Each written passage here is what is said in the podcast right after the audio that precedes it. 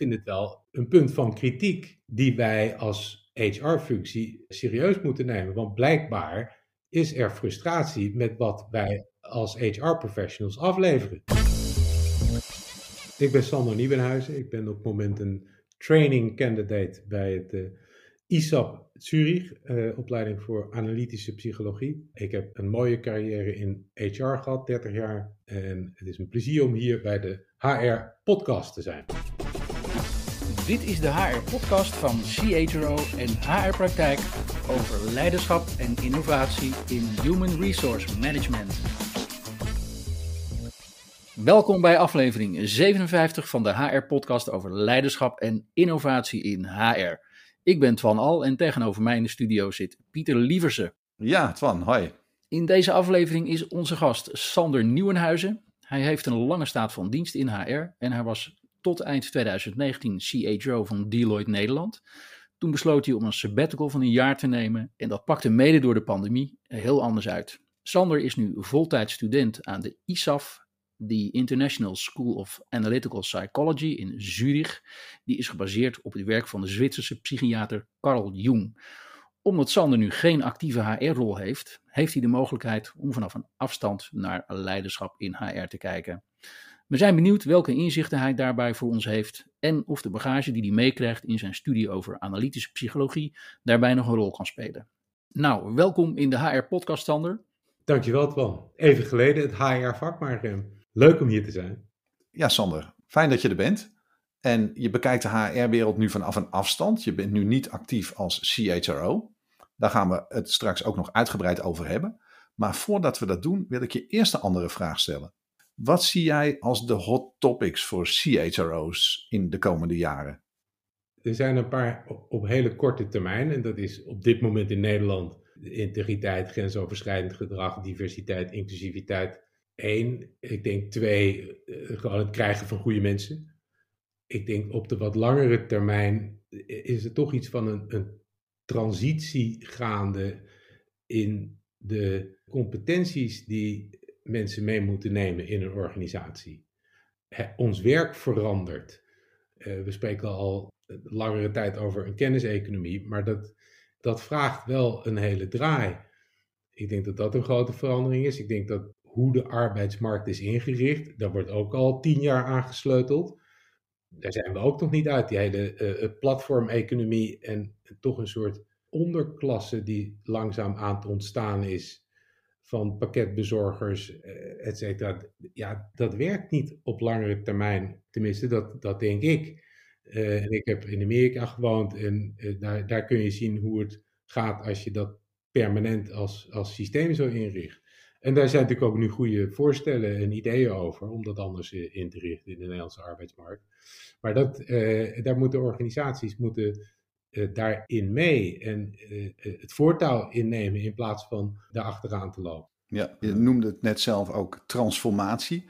Als je kijkt nu naar HR-leiders van deze tijd, denk je dat die klaar zijn voor die transformatie? Hè? Gaat het dan over het regulier verzetten van bakens, wat CHRO's natuurlijk altijd doen? Of is daar een great reset nodig in de boardroom? Ja, ik, ik heb altijd de filosofie aangehangen dat een CHRO ook een beetje het contrapunt moet zijn in een exco of in een raad van bestuur. Een CHRO moet op een wat langere termijn kunnen kijken. En uh, dan soms een lans breken voor uh, iets wat op de langere termijn belangrijk is voor een organisatie. En op een kortere termijn een investering uh, vereist. Ja, dat, dat vraagt nog wel om de nodige bagage, denk ik, van die, van die HR-leider.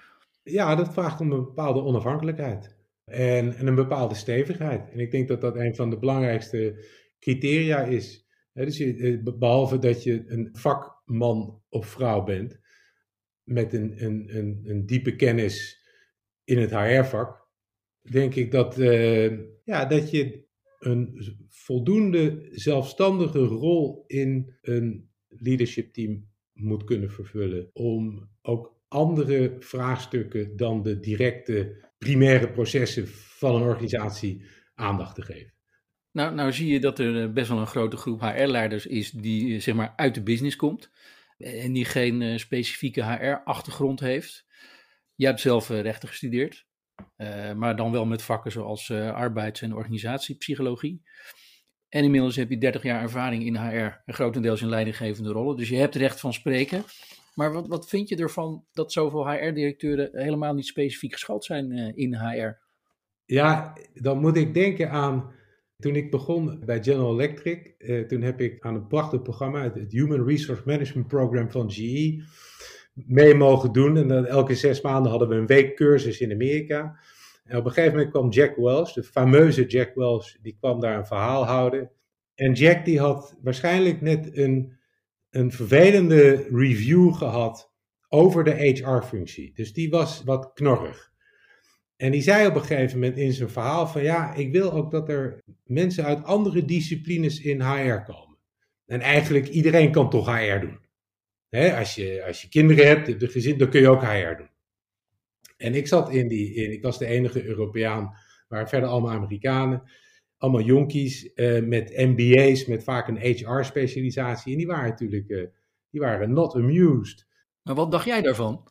Nou, ik vond het niet zo erg. Ik, ik, ja, ik was daar niet zo door geschokt. Zij waren zeer geschokt en, en toen hebben we als groep een brief aan Jack geschreven. Oké, dat heb je zo gezegd. Maar als ik aan het einde van de maand mijn huishoudboekje rondkrijg, dan kan ik zeker ook CFO zijn. Ja, precies. En als ik, als ik voor de Girl Scouts cookies heb verkocht, dan kan ik zeker marketing doen. En toen kregen wij een brief van Jack terug. En toen is hij ook de, zes maanden later is hij bij ons komen, komen praten. Maar een beetje lange intro. Ik denk dat het een beetje een golfbeweging is. Ik denk dat er uh, in raden van commissarissen uh, op een gegeven moment frustratie is met de voortgang van de HR-agenda. En dan hebben ze een aantal specialisten gehad. En zeggen ze van ja, dat werkt niet. Dan nemen we nu die oude landendirecteur of die oude fabrieksdirecteur of de oude, ik heb zelfs CFO's gezien die HR mogen gaan doen. Ik denk dat het een beetje een golfbeweging is. Ik vind het wel een punt van kritiek die wij als HR-functie serieus moeten nemen. Want blijkbaar is er frustratie met wat wij als HR-professionals afleveren. Ja, zeker. Daar, daar moet HR zeker wat mee. En daar moet de HR-leider ook zeker wat mee. Maar vind je toch, of vind je wel dat een stevige achtergrond in HR uh, eh, wel uh, ja, een voorwaarde is om een goede HR-leider te kunnen zijn? Ja, dat vind ik wel, ja. Je, je moet uh, de, de business of de organisatie begrijpen. En het product wat daar gemaakt wordt, de dienst die daar geleverd wordt, moet je begrijpen. En de, de, de primaire processen. En daar moet je een, een diepe interesse in hebben. Ik denk dat kennis van, en vroeger was dat misschien CAO-onderhandelingen en tegenwoordig zou dat misschien leadership development zijn. Maar ik denk dat, dat een, een diepe gronding in een aantal specifieke HR-onderdelen, eh, leadership development, organization design, compensation and benefits, om jouw HR-organisatie aan te kunnen sturen en om de onderwerpen die dan op de agenda komen in een exco vanuit die optiek goed te kunnen uh, benaderen. Dat, ja, ik denk dat het essentieel is. Ja, en ook om dat contrapunt te, te, kunnen zijn waar je het net over had. Ja, want anders, exact, wat anders dan, dat is een heel goed punt, want anders dan, dan beweeg je alleen maar mee met de waan van de dag in die exco. Ja, dus je hebt, je hebt dat nodig om die onafhankelijkheid je eigen te maken of te kunnen borgen. Ja, ja. en uh, als je kijkt naar beloningsbeleid, daar zit een bepaalde uh, filosofie in, zit erachter, zit een bepaalde techniek zit daarin. Daar, en dat heeft uiteindelijk een impact op je bottom line en op je, op je arbeidskosten. Maar daarmee creëer je ook een bepaalde cultuur in een organisatie. Heb je een heel erg individuele beloning of heb je meer teambeloning? Hoe richt je dat in? En om dat voor het voetlicht te krijgen en te zeggen van ja, maar als wij hier dan nu een hele erge individueel gerichte uh, prestatiebeloning neerzetten, dan, ja, dan, dan doet dat iets met uh, de samenwerking in onze organisatie. Vinden we misschien niet erg, want wij willen alleen maar heroes, maar dat moet je wel goed kunnen verwoorden. En als jij ja, daar, daar eigenlijk niet aan, aan ruikt en er roept iemand in zo'n Exco iets van ja, we moeten meer, uh, de, de winner takes all. En, en jij zegt, ja, dat is goed, gaan we doen. En je gaat terug naar je afdeling, want daar zitten dan wel de specialisten. Uh, ja, dan word je een beetje een doorgeefluik, ben ik bang. Ja, waar gaat het eigenlijk heen met de positie van de CHRO in grote organisaties de komende jaren? Nou, ja, dat vind ik heel moeilijk. Ik denk dat ze steeds breder worden, de CHRO's. op een gegeven moment een aardig stuk, ik geloof dat het Egon Zehner was, die een stuk schreef over organisaties die steeds vaker een soort triumviraat, uh, een, een, een RVB hebben, met een CEO, een CFO en een CHRO. Eh, ja, dan, dan zit je zowel strategisch als inhoudelijk zit je heel goed aan tafel. Nu ben jij daar uh, uitgestapt, ja. Sander. uit, de prachtige, uit die prachtige dynamiek.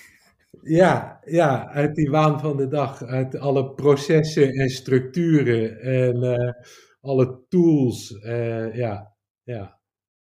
Daar ben ik wel even nieuwsgierig naar, Sander, want je bent ja, sinds jaar en dag actief geweest in, in HR, lange ervaring. Je hebt bij grote internationale organisaties gezeten. En als laatste was je CHRO van Deloitte in Nederland. Dus je bent nu uit die frontlinie gestapt. Je bent nu uh, verbonden aan uh, de IMD Business School in uh, Zwitserland. En je bent weer gaan studeren. Waarom ben je uit die fastlane gestapt? Want dat is nogal een, een omwenteling. Ja, dat lijkt, dat lijkt inderdaad een omwenteling. Ik, ik sprak een, een oude vriend een paar weken geleden. En die zei van ja, Sander, nou, over een paar jaar dan lijkt het een rechte lijn. de, de, de continuïteit is, is mijn diepe interesse voor hoe, hoe mensen werken, opereren. En dat heb ik eerst inderdaad in, in, in grote instituties via de processen en, en structuren aangepakt. Wel altijd geprobeerd om die menselijke kant daarin centraal te stellen. En ik, ja, ik, ik ben mij nu volledig op dat menselijke aan het richten. En dat is, een, uh, dat is een, een groot genot om dat te kunnen doen. En het leven wat je nu leidt, is dat ook wat je ervan voorstelde toen je met dat idee speelde, toen je CHRO bij Deloitte was? Ja, nou, dit, kijk, voor, voor mij is eigenlijk die, die pandemie is, is bijna een geschenk geweest. Ik, eh, in zomer 2019 heb ik een sabbatical genomen en ik dacht dat doe ik een jaar. En dat, dat pakte ik, zoals ik wel vaker dingen, redelijk gestructureerd aan. Dus ik dacht, de eerste half jaar ga ik, ga ik divergeren, ga ik heel breed kijken. En, um, en dan het tweede half jaar ga ik uh, convergeren. Dan ga ik een nieuw plan uh, en dan ga ik zo september 20 ga ik iets nieuws opzetten. Toen in maart ging de wereld op slot. En ik was net begonnen met koffietjes drinken met mensen en wat gesprekjes. En, en toen kwam ik ja, nog veel meer tot rust. En ik was al aan het kijken naar een week van lectures die ik uh, bij dat ISAP, het, de International School of Analytical Psychology in, in Zurich wilde gaan doen. En toen dacht ik op een gegeven moment, ik was in Zwitserland aan het wandelen, ik dacht ik ga niet een week, ik ga gewoon die hele opleiding doen. En ja, dus dat, en dat, dat is nu anderhalf jaar ben ik daar bezig. En dat, daar heb ik ontzettend veel plezier in. En dat, nou ja, IMD is, uh, is een, klein, een kleine rol. Ik, ik zou het heel leuk vinden om wat ik nu aan het leren ben, om dat toch nog op een bepaalde manier te verbinden met de dingen die ik hiervoor gedaan heb. En uh, ik heb wel uh, vroeger veel op IMD gedaan en programma's ontwikkeld met IMD. dus ik had daar contacten en ik mag daar rondlopen en met professoren praten, kijken ja, of ik een keer iets kan schrijven, of daar nog iets kan verbinden van, van wat ik nu aan het doen ben met wat ik vroeger meegemaakt heb. En, en wat heb je voor ogen om te doen na je studie? Het is een opleiding tot, tot psychoanalyticus, psychotherapeut. En dat is zoals ik daar nu naar kijk, maar ik ben daar nog, nog, nog ruim twee jaar, nog wel langer mee bezig uh, is dat wel het idee dat ik dat ermee wil gaan doen. En wat dat dan voor doelgroep uh, heeft, dat, dat is, dat is een, een brug die we later uh, over zullen gaan. Ik denk, ik, ja, de ervaring die ik in het bedrijfsleven heb opgedaan, maakt wel dat ik denk dat ik een beetje weet waar mensen tegenaan lopen die verantwoordelijke functies hebben in uh, organisaties. En uh, dus dat, dat zou mij misschien geschikt maken om ook met dat soort mensen uh, grotere vraagstukken te behandelen. Um, ja, wat, waar ik dan benieuwd naar ben, is wat zeg maar, in het korte betekenis van, van Jung is voor de psychiatrie en de psychologie. De, worden onze luisteraars uh, worden geacht dat allemaal te weten natuurlijk, maar ik denk toch handig uh, voor ondergetekende om dat nog een keer te horen. Nou, Jung is in Nederland niet zo breed gedragen, zou ik zeggen, als in sommige andere landen. Jung, Jung is, is na, nadat Freud eigenlijk een beetje de ontdekker was van het onbewustzijn, en Freud uh, duidde de, met zijn drive theory, uh, duidde natuurlijk een heleboel zaken die in het onbewustzijn gebeurden op, op een seksuele manier. En de seksuele frustraties die gesublimeerd moesten worden. En, en Jung deed dat veel breder. Hè? En die, uh, Jung is de, de man die uh, de archetypen heeft geïntroduceerd. Jung is overigens ook degene die een test die wij vaak, je mag het geen test noemen, maar de, de, de typologieën, de Myers-Briggs Type Indicator, uh, een van de eerste personality tools die, die ik in GE leerde, is gebaseerd op het uh, gedachtegoed, de typologieën die, die Jong extraversie, introversie, feeling, thinking, sensing heeft geïntroduceerd. Dus hij heeft eigenlijk de basis gelegd voor die beroemde Myers-Briggs typologie. Ja, ja, Absoluut. Ja, en verder is het, is het iemand die heel veel geschreven heeft over wat er zich afspeelt in het onbewustzijn. En ook in eh, ja, eh, manieren heeft ontwikkeld om, uh, hoe zou ik het zeggen, toegang te krijgen, inzicht te krijgen, stukjes van dat onbewustzijn bloot te leggen. En ook contradicties die zich daar afspelen in dat onbewustzijn. En met het eh, idee om op het moment dat je daar uh, meer, meer inzicht in hebt, uh, dat je een, een heler mens wordt, een, een, ronder mens wordt. Ehm, en, en dus ook in je rol als leider bijvoorbeeld? Oh, absoluut. Op de, op de werkvloer? Oh, ik denk, ja, ik denk op het moment dat je meer inzicht hebt over hoe je zelf functioneert, inclusief de dingen die je misschien niet heel bewust zo doet, dat je daar een evenwichtiger leider van wordt. Zou je zelf met deze kennis die je nu opdoet, een, een andere HR-leider geweest zijn? Ik zou, een, als ik hier wat eerder aan was begonnen, een ander mens zijn geweest. Ik denk dat mijn, mijn vrouw dat ook zou bevestigen. dus die studie is eigenlijk voor elke actieve HR-leider relevant? Nou ja, ik, ik denk, hè, we hadden het net al even over wat, wat een HR, hè, wat, wat zo iemand moet meenemen. Maar dat geldt natuurlijk voor ons allemaal. Maar ik denk zeker als HR-professional, waarin je ja, wat, wat breder naar die organisatie moet kijken en naar alle mensen in die organisatie moet kijken, denk ik dat het heel goed is om allereerst met een gezonde zelfkennis aan tafel te komen. Inclusief de dingen waarvan je denkt, dat heb ik helemaal niet. Vooral dat laatste. Ja. uh, want zolang je dat niet erkend hebt, projecteer je het op anderen. Ja, Sander, we komen alweer aan het einde van de podcast en ik wil je nog een paar laatste vragen stellen. Of eigenlijk meer om tips vragen. Voor aanstormende talenten die de ambitie hebben om HR-leider te worden. Je hebt net een fantastische tip gegeven, want eigenlijk moeten deze mensen een studie gaan doen aan de International School of Analytical Psychology in, uh, in Zurich. maar welke praktische tips kan jij aankomende talenten nog meegeven om net zo'n mooie HR-carrière te krijgen als jij? Een beetje gevaarlijk, want, want mensen hebben altijd de neiging om hun eigen receptuur dan te geven. Uh, met deze ingrediënten was ik zo succesvol en kijk, zo moet je het ook doen. Ik denk net zoals dat op het moment dat je gaat studeren, moet je leren studeren. Op het moment dat je gaat werken, moet je leren werken. En dat moet je doen bij, denk ik, een professionele club. Waar als jij echt marketing wil doen, dan zou ik naar eh, Unilever of Nestlé of Mars. Als je echt HR wil leren, dan zou ik naar een Shell of naar, naar, naar een club gaan waar HR op de kaart staat, professioneel is. Uh, dus dat is één ding. Dus, dus leer het vak. Een grote organisatie dus.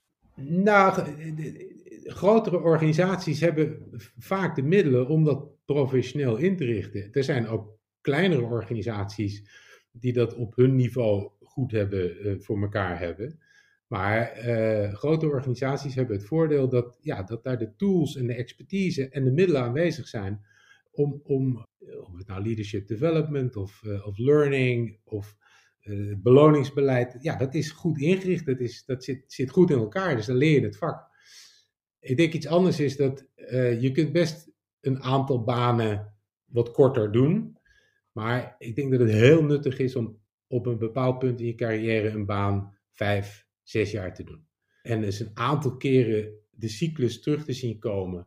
Nog afzien van het feit dat het heel prettig is als je voor het vijfde jaar in een baan zit en je moet weer het budget maken of je moet weer het jaarplan met je afdeling uh, inrichten. Ja, dat gaat toch makkelijker. Uh, dus in het begin leer je heel veel dat elke keer iets nieuws te doen. Maar er zit ook een, een bepaalde verdieping in op het moment dat je iets langer doet. En daarnaast ja, in Engels stand your ground. Het is een beetje dat punt wat, wat ik net zei. Je moet het contrapunt zijn. Je moet soms ook aan je principes vast kunnen houden. En als jij voor een club werkt waar je het eigenlijk niet mee eens bent, en je krijgt niet echt een voet tussen de deur over de onderwerpen die jij belangrijk vindt, dan moet je weggaan. En het is heel interessant, we begonnen met, met uh, alle perikelen rondom grensoverschrijdend gedrag en cultuurverandering. En uh, ik heb in Deloitte een heel mooi project mogen doen over cultuurverandering. Daar, daar was toen aandacht en er kwamen een aantal dingen bij elkaar waarvan de exco zei: Oké, daar, daar moeten we iets mee. Als je dat kan doen, is geweldig. Maar als dat niet kan en jij vindt dat eigenlijk super belangrijk, ja, dan moet je daar je consequenties uit trekken. Ja.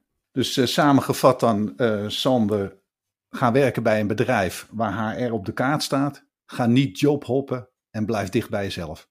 Ja, een beetje jobhoppen mag, mag best. Maar ja, probeer wel ergens een keer wat langer iets te doen. Dat, dat zou ik zeker aanraden, ja. Nou, dankjewel voor deze tips. En het zijn ook mooie en uh, bruikbare tips. En ook Sander, uh, bedankt voor dit uh, prachtige en openhartige gesprek. Fijn dat je te gast was in de HR-podcast. Ja, Sander, dankjewel. Dankjewel Pieter, dankjewel Twan. Leuk om even terug te zijn in het HR-vak. En daarmee zijn we aan het einde gekomen van deze nieuwe aflevering van de HR-podcast over leiderschap en innovatie in HR. Vind je deze HR-podcast leuk? Geef dan jouw 5 sterren review op Apple Podcast. Daarmee kunnen andere HR-professionals deze podcast makkelijker vinden. Heb je suggesties voor gasten voor de volgende aflevering? Stuur dan een mail naar redactie.hrpodcast.nl. Dank voor het luisteren en tot de volgende HR-podcast.